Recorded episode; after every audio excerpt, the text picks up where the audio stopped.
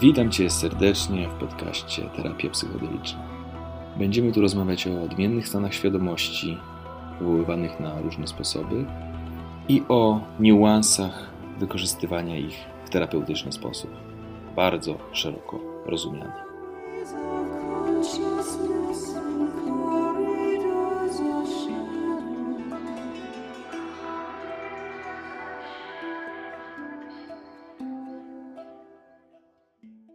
Dzisiejsze nagranie, podobnie jak cały podcast, nie ma za zadanie zachęcać do spożywania nielegalnych substancji psychoaktywnych. Pełni funkcję edukacyjną, pełni funkcję redukcji szkód dla osób, które i tak ich używają, a mogłyby to robić bezpieczniej. Informuje też o innych sposobach przeżywania odmiennych stanów świadomości.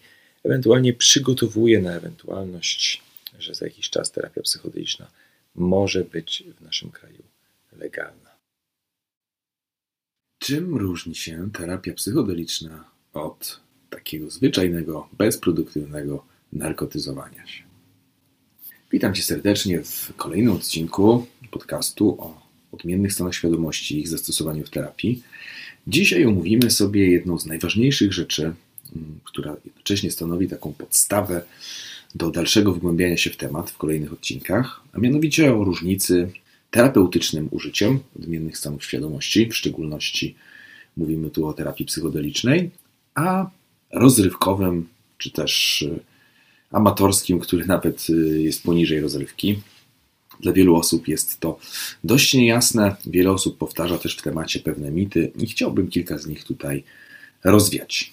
Zacznijmy od tego, że według większości specjalistów zdecydowanie te dwie rzeczy się od siebie różnią, to znaczy sposób zażycia substancji psychodelicznych definiuje to, z pewnymi wyjątkami, o których później wspomnę, czy jest to doświadczenie terapeutyczne, czy też jest to po prostu amatorska jakaś zabawa, czy też inne odmiany amatorskiego użycia. Oczywiście znajdziemy pewnie skrajne grupy, które uważają, że nie ma różnicy między tym, w jaki sposób się to zrobi. Jedni mogą myśleć, że są to po prostu lekarstwa, tak zwane medycyny, które pomagają każdemu.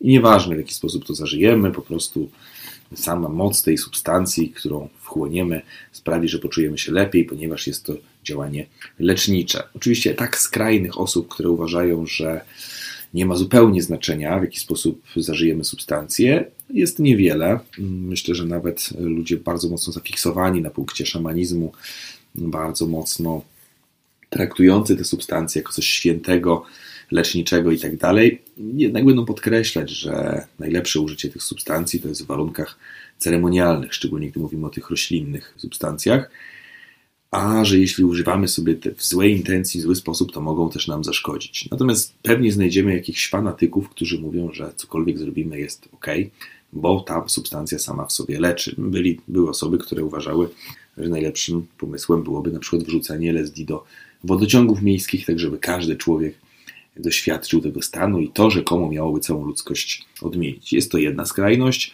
Druga skrajność, dosyć popularna jeszcze do niedawna, była taka, że nieważne w jaki sposób zażyjemy te substancje, one i tak nam nie pomogą. W hardkorowej wersji sprzed 20 lat mogą doprowadzić do choroby psychicznej, do utraty pamięci, utraty tożsamości. W lżejszej wersji popularnej jeszcze parę lat temu to po prostu będą nic nieznaczące, rozrywkowe przeżycia, które nic nie wnoszą do naszego życia. To są jakieś przypadkowe wizje, jakieś fałszywe olśnienia itd. Tak itd. Tak Czyli nieważne jak to zrobimy, i tak to nic nam nie da. Czyli kompletne przeciwieństwo tego, o czym mówiłem wcześniej.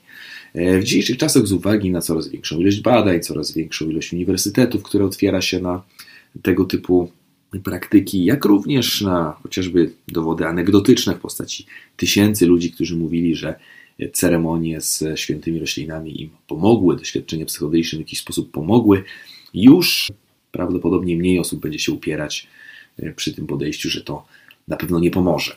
Natomiast jaka jest różnica tak naprawdę? Co zrobić, żeby to doświadczenie pomagało, a co zrobić albo czego nie robić, jeśli chcemy uniknąć sytuacji, w której to doświadczenie nam nie pomaga. Dzisiaj skupmy się w tym, co nie pomaga, skupmy się głównie na tym aspekcie rozrywkowym, czyli że jest ciekawie, jest interesujące przeżycie, nawet możemy mieć wrażenie, że coś się e, dla nas ważnego wydarzyło, a jednak w żaden sposób to nie zmienia. I najłatwiej będzie, jeśli zaczniemy od omówienia sobie dwóch takich bardzo charakterystycznych stron monety, dwóch, no nie powiem skrajnych opcji, ale na tyle klarownych i wyraźnych, że będzie nam łatwo zobaczyć tą różnicę, a potem porozmawiamy o komplikacjach. Więc wyobraźmy sobie najpierw pierwszą osobę, która bierze sobie LSD i ta osoba robi to totalnie bez żadnego przygotowania terapeutycznego. Nie jest w terapii. Nie ma specjalnie intencji tego, żeby w jakiś sposób się poznać lepiej, żeby to na nią wpłynęło. Nie ma wiedzy na temat tego tak do końca, jak LSD działa, poza tym, że słyszała, że mogą się pojawić jakieś zaburzenia wzrokowe, że jakieś dziwne przeżycia, że można się z tego, można się wtedy dużo śmiać, można zobaczyć coś, czego nie ma, można sobie ewentualnie inaczej słuchać muzyki.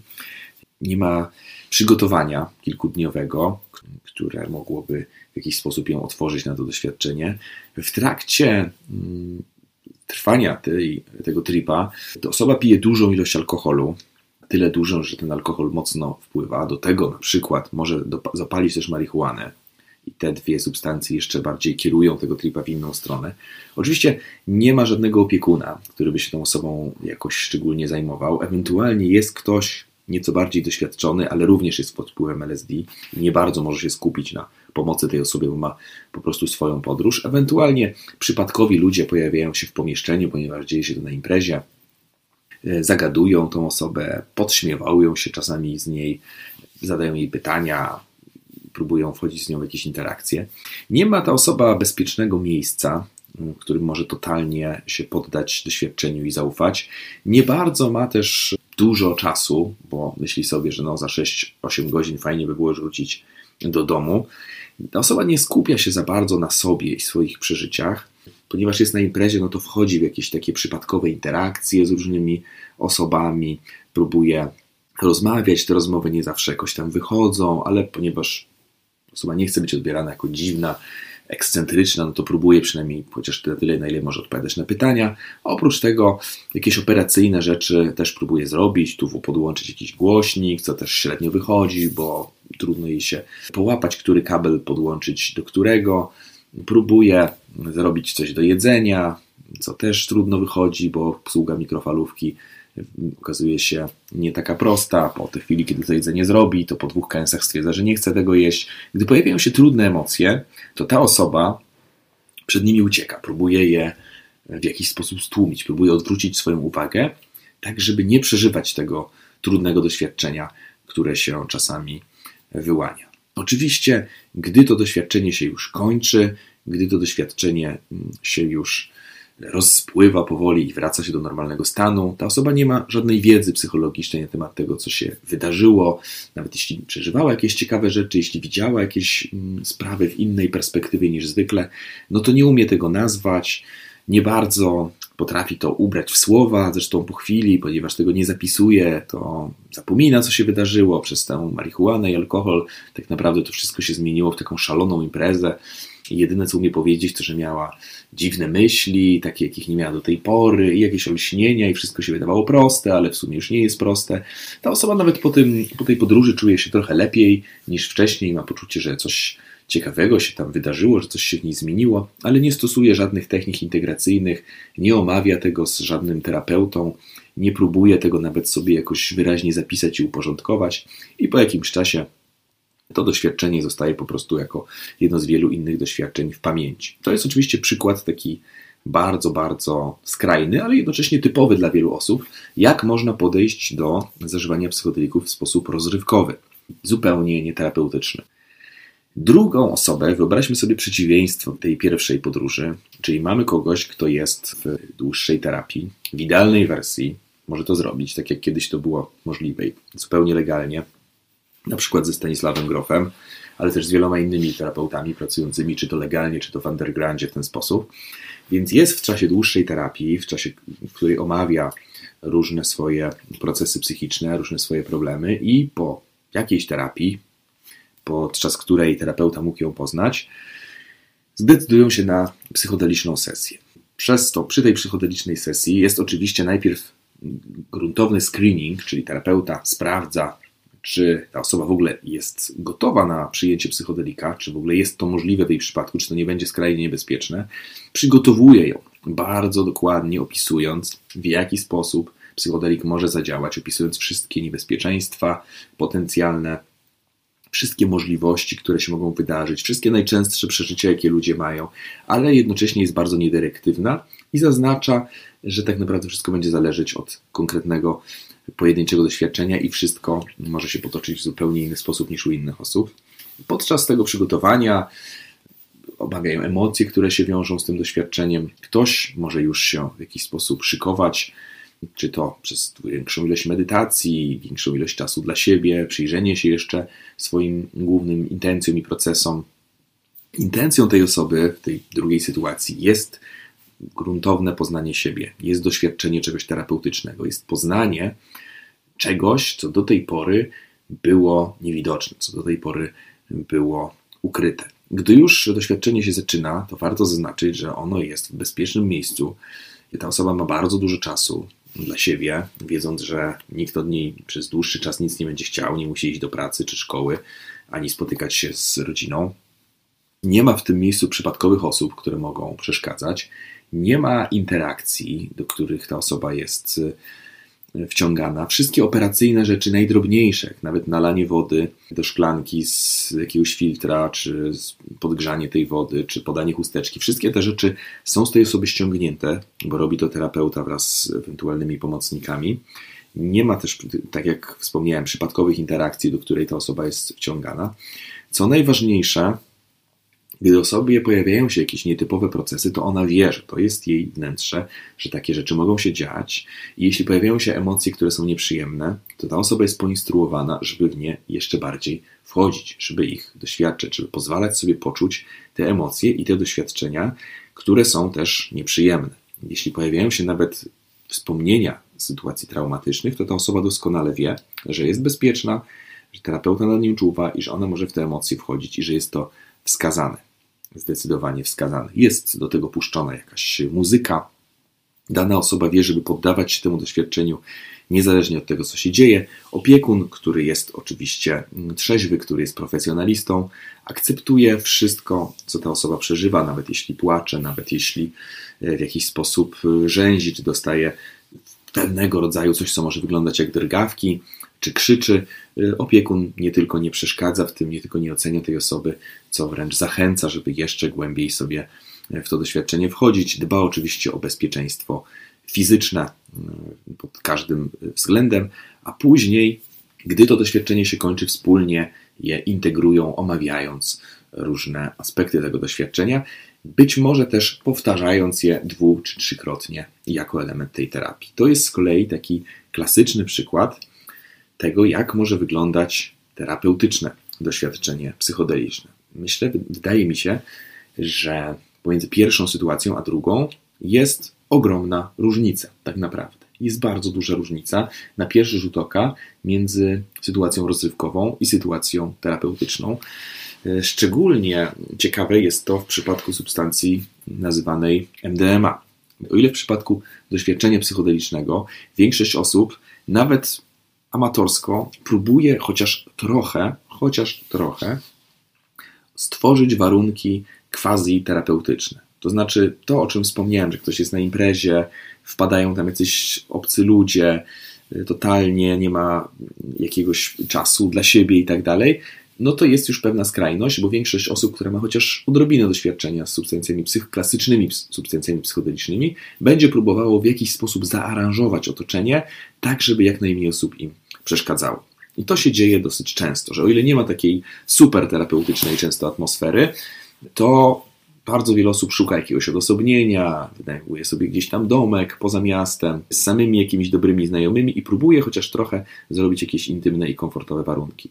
O tyle w przypadku MDMA mnóstwo osób zupełnie o tym nie wie. Sam byłem bardzo zaskoczony, gdy w liceum miałem doświadczenia i z klasycznymi psychodelikami, i z MDMA i dostałem do swojej książkę Stanisława Grofa, o terapii psychodelicznej, zacząłem ją czytać i na początku było dla mnie jasne, że doświadczenia takie z takimi substancjami jak LSD czy psylocybina mogą być elementem terapii. Przeczytałem kilka pierwszych stron i patrzę, no tak, no, mądry człowiek, który jest profesjonalistą, z pewnością nic dziwnego, że wykorzystuje potencjał tych psychodelicznych substancji, który dla mnie wtedy był ogromny, niezwykły i pokazywał jakieś niespotykane właściwości umysłu, niespotykane zakamarki tego umysłu.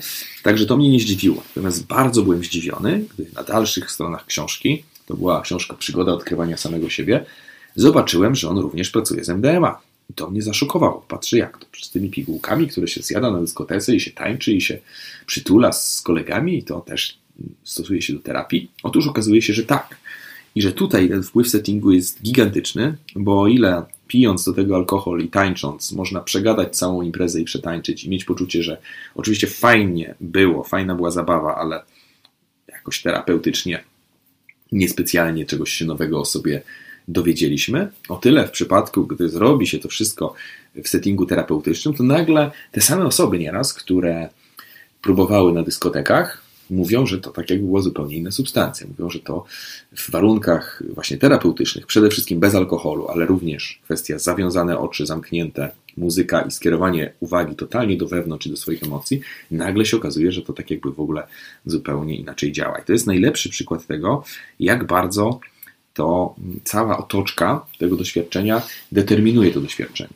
W przypadku MDMA może być tak, że nie tylko zażywanie tego w warunkach amatorskich na dyskotece nie tylko nie doprowadza do żadnej terapeutycznej przemiany, co wręcz czyni człowieka trochę gorszym. Może go wprowadzić w rodzaj pewnego rodzaju uzależnienia. To znaczy ta osoba jedyne co wyciąga z tej podróży to to, że jest bardzo pięknie pod wpływem tej substancji i czeka z utęsknieniem na kolejny weekend, gdzie znowu będzie mogła ją zażyć.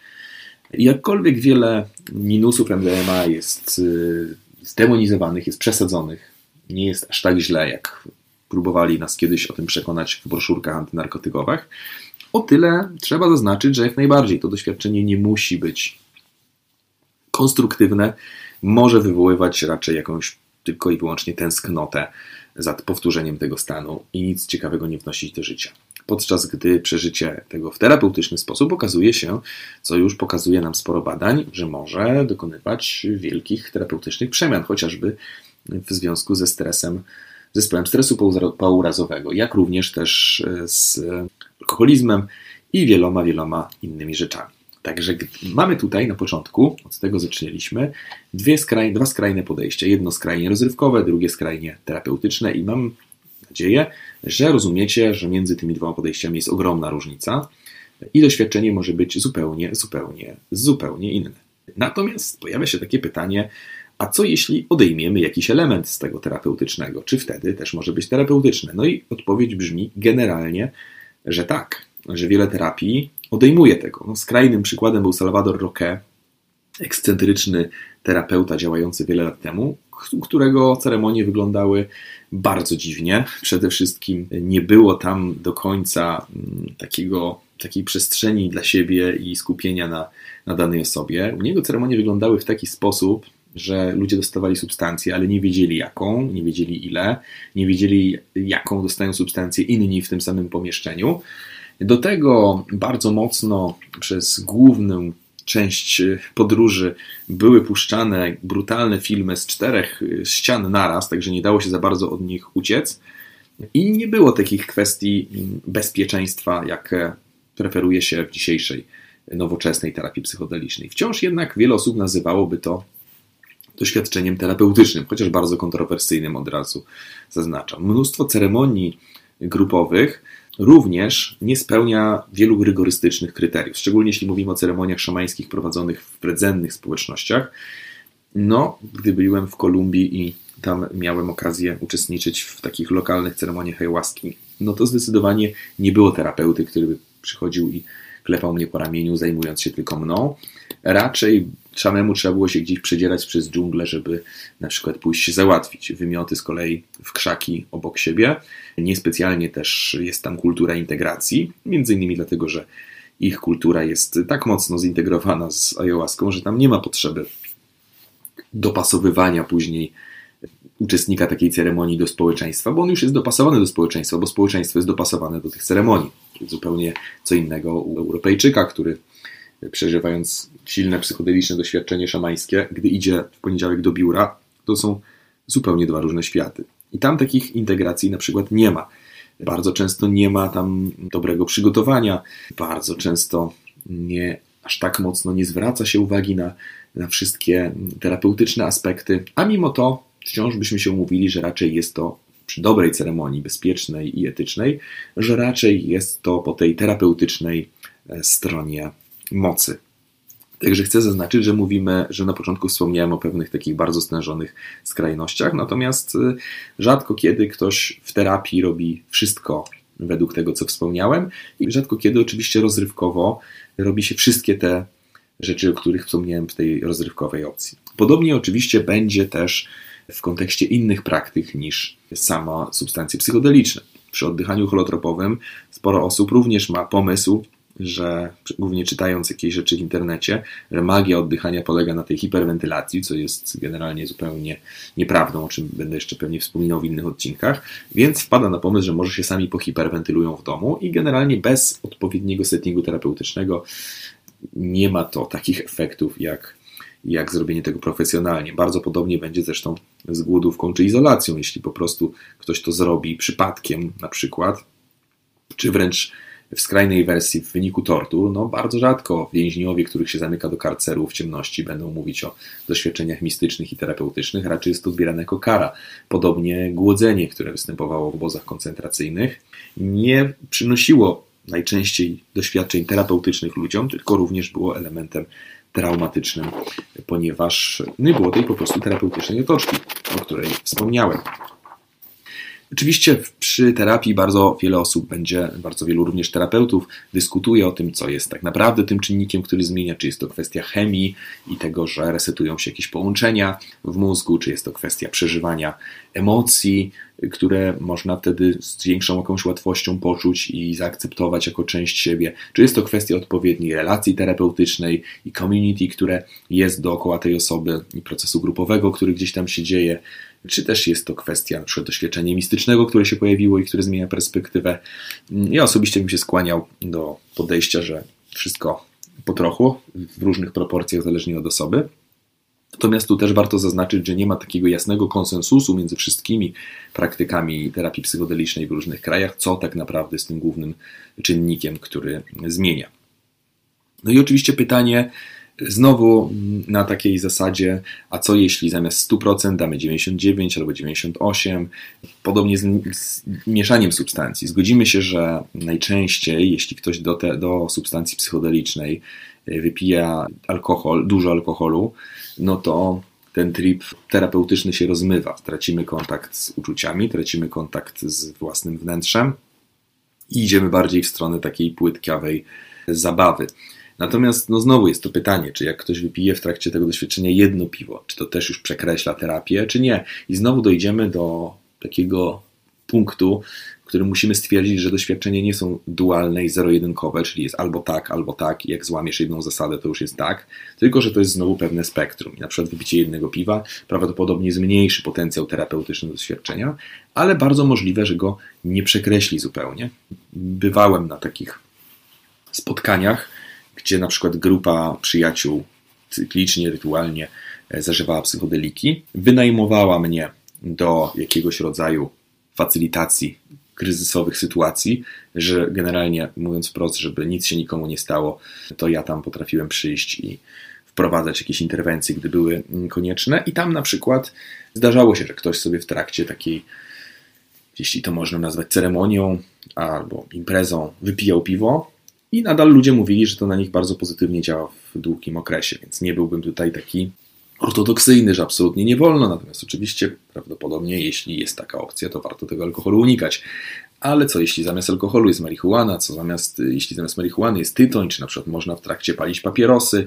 Wiele osób mówi, że pewnie jest to niewskazane, ale zupełnie czym innym jest z kolei tytoń w postaci rapę, tego proszku, który się wdmuchuje do nosa, który często stosowany przed ceremonią ayahuaski ma nas przygotować na tą ceremonię, a z kolei stosowany w czasie ceremonii ayahuaski pomaga czasami przejść przez jakieś emocje, czy też zwymiotować a co innego jeszcze tytoń w postaci płynnej, tak zwany mapaczo, który jak się wypija, to on potrafi nas również przeczyścić i y, wydobyć różne emocje. No to wszystko nie jest takie zero-jedynkowe. Podobnie jak kwestia MDMA kiedyś, y, i to jest rzecz, gdzie sam byłem zmuszony zmienić zdanie. Gdyby jeszcze parę lat temu ktoś mnie zapytał, czy w trakcie terapii psychodelicznej, na przykład z LSD czy z psylocybiną, można zażyć MDMA, czy to dalej jest terapia, no i ja osobiście pewnie opierając się na y, instynkcie, intuicji, powiedziałbym, że raczej nie, że to już jest jakieś uprzyjemnianie tego i że ja osobiście nie widzę y, sensu w terapeutycznych warunkach, co innego jest impreza, w terapeutycznych warunkach niespecjalnie widzę sens, żeby te substancje łączyć. A jednak okazuje się, że badacze to robią i że w wielu przypadkach, gdy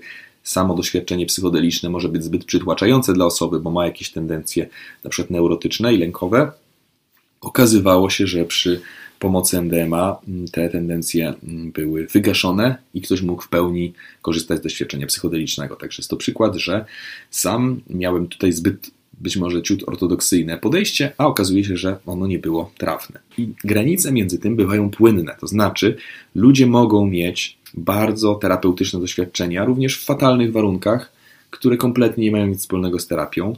Od razu chcę zaznaczyć, w żadnym wypadku nie chcę do tego zachęcać, bo jest też spore prawdopodobieństwo, że będą jakieś mniejsze lub większe problemy. Natomiast słyszałem sytuacje, gdzie ktoś pozostawiony gdzieś sam sobie w lesie i tak w którymś momencie na przykład się poddał i stwierdził, że to było coś wspaniałego i że bardzo mu to pomogło.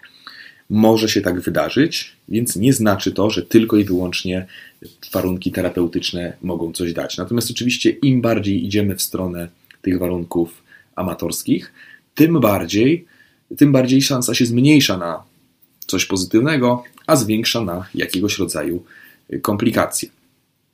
Najczęściej w warunkach rozrywkowych jest to dosyć chaotyczne, znaczy coś, coś zrozumiemy, coś do nas na przykład ciekawego dotrze, ale coś, co zrozumiemy, możemy też zrozumieć w dosyć uproszczony sposób, a coś z kolei nam się źle pokojarzy, źle mam, mam na myśli w nieprawidłowy sposób, wyciągniemy jakiś zbyt szybki wniosek, co jest charakterystyczne, jeśli bierze się zbyt poważnie te wszystkie wnioski, które się pojawiają. A to z kolei jest element integracji, żeby tego nie robić. Więc może być tak, że również po badaniu w warunkach super sterylnych i profesjonalnych, że ktoś się czuje gorzej. Były takie przypadki w latach 60., że badacze też nie mieli wystarczającej wiedzy i zdarzało się, że ktoś wychodził z takiego badania w gorszym stanie niż przyszedł, a potem się nim na przykład nie zajmowano, bo nie było to elementem badania, więc nie chcę mówić, że warunki terapeutyczne zawsze będą super, bo to też totalnie zależy od terapeuty, a przecież były sytuacje, że wszystko było fajnie, ale jednak terapeuta na przykład przekroczył pewne granice, co się zdarzało przy terapii z MDMA. I to jest spory etyczny problem, o którym warto porozmawiać w kolejnym odcinku, więc terapia terapii nierówna, bo przecież to jest wszystko czynnik ludzki, zależny od terapeuty, który tam jest, zależny od y, wielu różnych rzeczy, na przykład od takich jak czujemy kontakt z tym terapeutą, na ile y, czujemy się z nim połączeni i tak dalej, jak nam pasuje dane podejście terapeutyczne, bo jeśli ktoś y, pracuje z psychodelikami w jakichś oczywiście mam na myśli legalnych warunkach i natomiast preferuje jakiś styl psychologiczny, na przykład głównie skupiając się na emocjach, w chwili, gdy dana osoba potrzebuje akurat czegoś innego, to też, mimo tego, że są to warunki terapeutyczne, dana, dany pacjent może nie skorzystać na tym aż tak mocno. Z kolei nieraz w jakimś przypadkowym, przypadkowych warunkach, przypadkowej sytuacji może się okazać, że ktoś dozna olśnienia, które zmieni jego życie.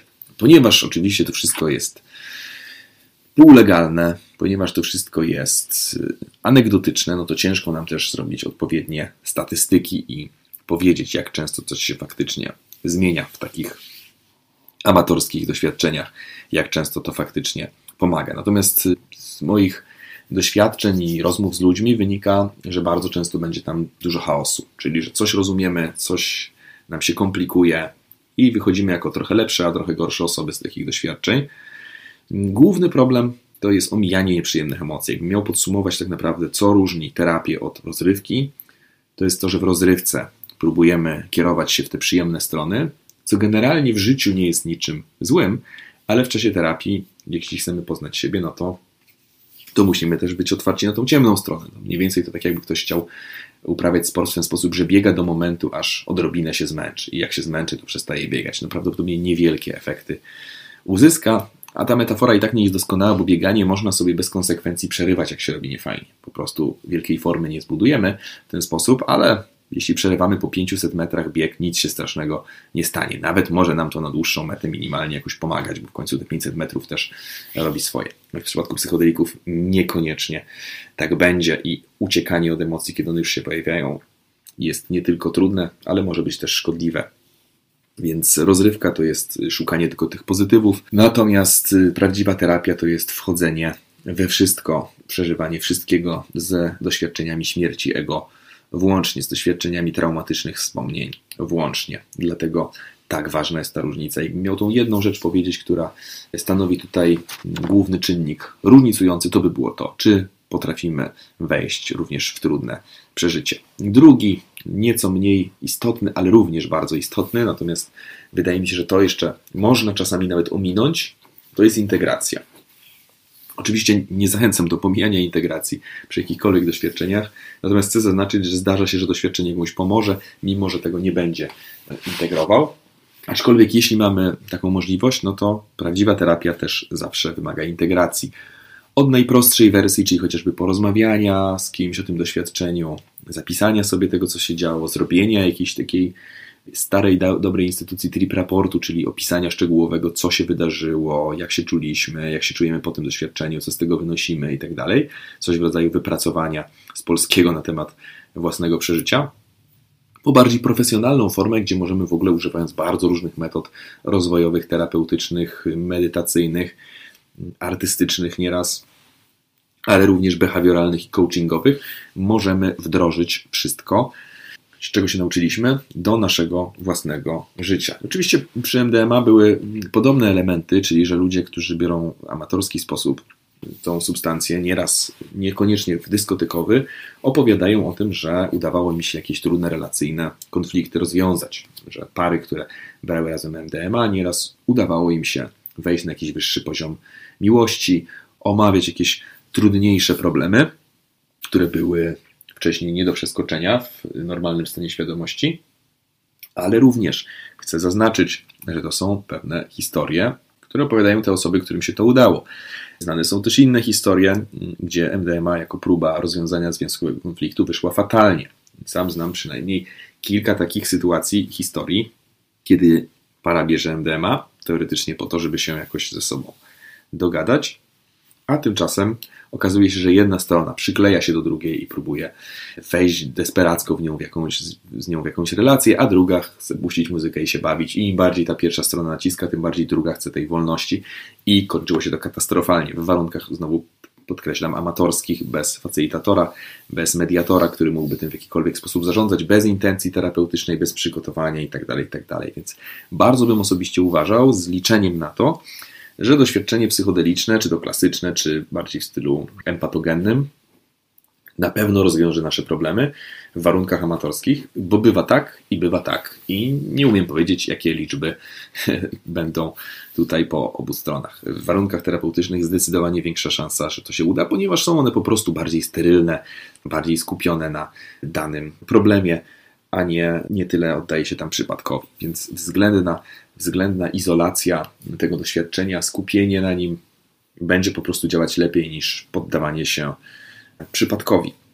I generalnie przy tego typu doświadczeniach, to o czym ludzie wspominają, to też im więcej koncentracji na sobie prawdziwej, im więcej można się w to doświadczenie faktycznie zagłębić i, i badać, co, to, co, co się w nas wtedy dzieje, tym bardziej może to być doświadczenie e, terapeutyczne. Im bardziej z kolei musimy się skupiać na tym, żeby próbować rozmawiać ze znajomymi, którzy są w normalnym stanie świadomości, pamiętać o jakichś rzeczach, załatwiać jakieś rzeczy, tym trudniej będzie faktycznie się skupić na sobie i tym bardziej to doświadczenie może być przypadkowe. Warto zaznaczyć, w czym te doświadczenia mogą pomóc, a w czym mogą przeszkodzić. Zdecydowanie, najczęściej zdecydowanie przeszkadzają w interakcjach ze światem zewnętrznym. Przy MDMA też warto tą poprawkę zrobić, że oczywiście nieraz się wydaje, że jak to przecież po MDMA się przyjemniej rozmawia z ludźmi i, i lepiej czasami niż normalnie i sam w młodzieńczym wieku pamiętam, jak niektóre osoby brały MDMA, żeby właśnie pozbyć się pewnych zahamowań i lepiej rozmawiać z większą łatwością z innymi ludźmi.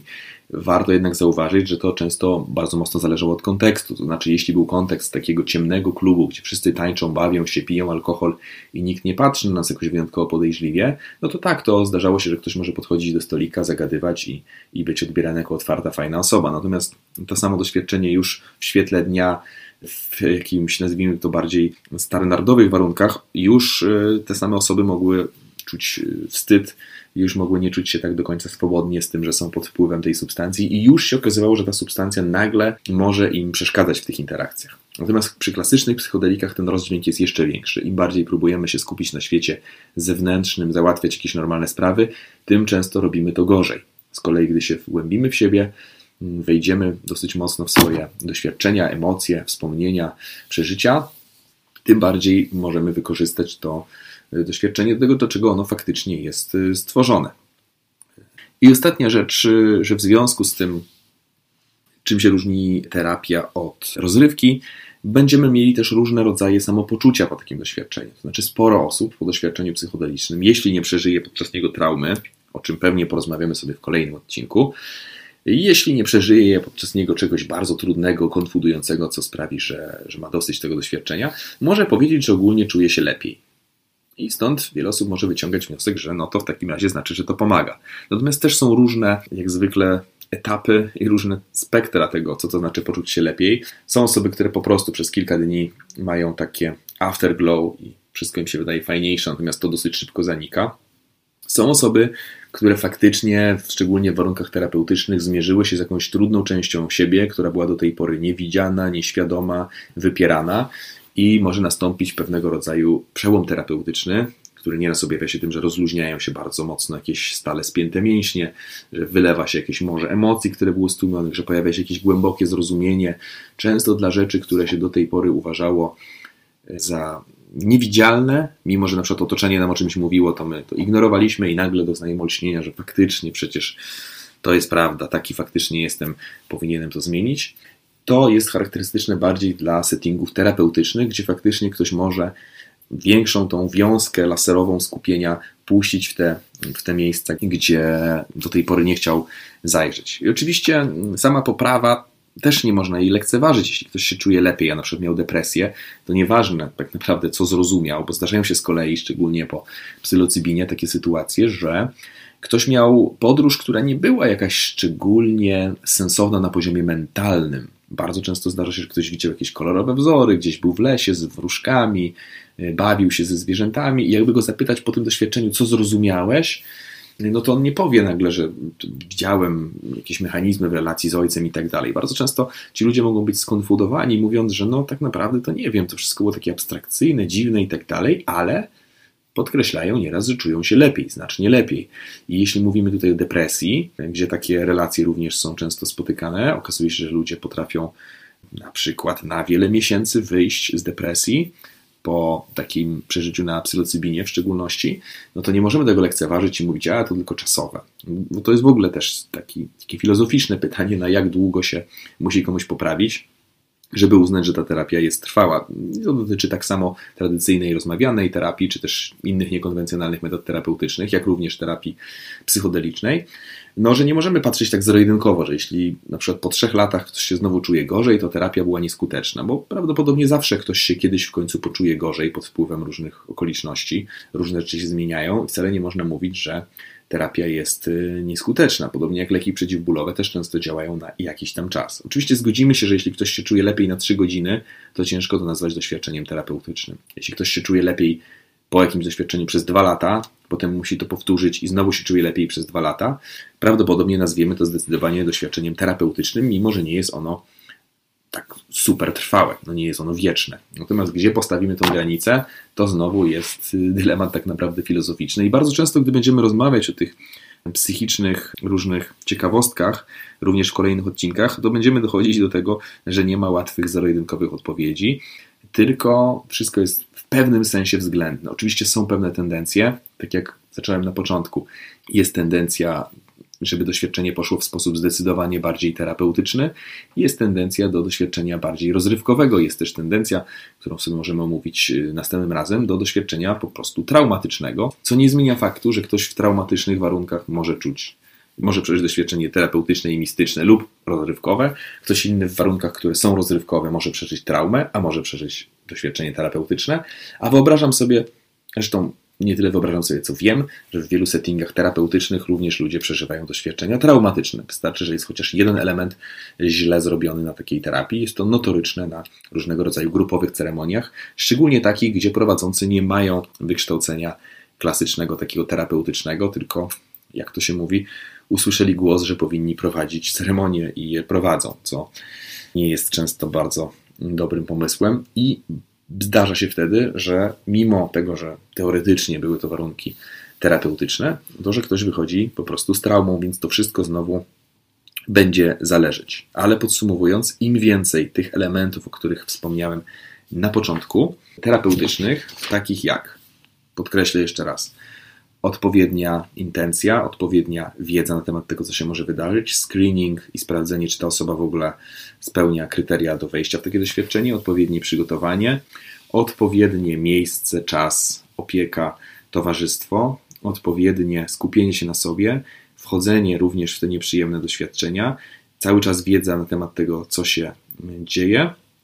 Najlepiej jeszcze, jeśli jest to element terapii, jeśli jest to doświadczenie powtarzane kilka razy i integracja najlepiej profesjonalna, wtedy jest większa o wiele szansa, że to doświadczenie będzie konstruktywne, a nie rozrywkowe lub destruktywne. Oczywiście wszystko, o czym mówię, jest w pewnym sensie jakąś tam teorią, natomiast zachęcam wszystkich, żeby przestrzegać prawa panującego w waszym kraju. Podkreślam, że jest jeszcze sporo innych metod niefarmakologicznych, którymi można wchodzić w poszerzone stany świadomości i tym samym nie, nie wchodzić też w konflikt z prawem. I w tych innych metodach będą tego, te, te same zasady tego samego typu. Im bardziej zrobimy to w sposób izolowany i profesjonalny, tym większa szansa, że coś pozytywnego nam przyjdzie.